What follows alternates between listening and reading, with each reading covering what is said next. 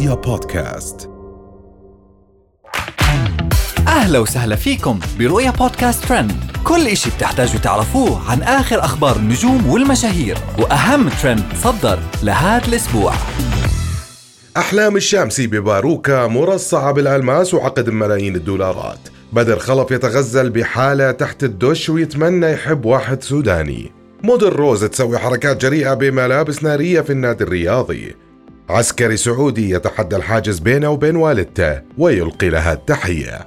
تصدرت الفنانة الخليجية أحلام الشامسي الملقبة بالملكة الترند في الساعات الماضية بعد ما أثارت الجدل بإطلالة كلها ألماس تسوى ملايين الدولارات والريالات في السعودية. وطلعت أحلام الشامسي بصورة وهي لابسة باروكة شعر مصنوعة كاملة من الألماس. وحتى خصل الشعر كلها ألماس خالص غالي جدا. وهالشي خلاها تثير الجدل بين المتابعين والجمهور بسبب تصرفاتها وإسرافها بالفلوس. راح ننتقل الآن لبدر خلف وإثارته للجدل ويا الرجاجيل.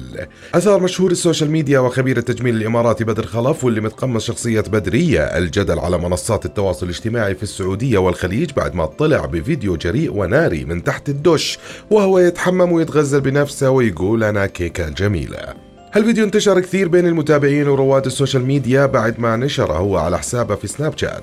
وهالشي خلاه يثير الغضب بسبب فيديوهات اللي ينشرها من تحت الدش وهو يتدلع. ومن الناحية الثانية كتب بدر خلف على سناب شات وتويتر إنه يحب الجمال السوداني ويستغرب من البنات السودانيات اللي ما يحبن جمال الرجاجيل السودانيين. وننتقل الآن لموديل روز وحركاتها في النادي الرياضي. نشرت عارضة الأزياء السعودية المعروفة باسم موديل روز فيديوهات جديدة لها وهي تلعب رياضة جوا النادي الرياضي. بملابس جريئة وحركات نارية بينت جسمها وتفاصيلها بطريقة مستفزة. وصارت موديل روز وفيديوهاتها سالفة المتابعين على سناب شات. ودائما تتصدر الموديل روز على منصات التواصل الاجتماعي الترند بسبب لبسها الجريء واللي دائما يكون فاضح وجريء واللي يخليها شبه عارية. ننتقل الآن لأخبار الترند على السوشيال ميديا. تداول رواد مواقع التواصل الاجتماعي في السعودية مقطع فيديو عفوي لطيف يخطف القلوب ويبكيها لعسكري سعودي أدى التحية لوالدته في حفل التخرج. وبالفيديو طلع الطالب العسكري من حفلة تخرجه وهو يقف قدام والدته اللي يفصل بينهم حاجز زجاجي وأدى لها التحية العسكرية. وبعدها ما قدر يتحمل ما يحضنها وقام نط على الحاجز الزجاجي وحضنها قدام الكل. وهاي كانت أهم أخبارنا لليوم.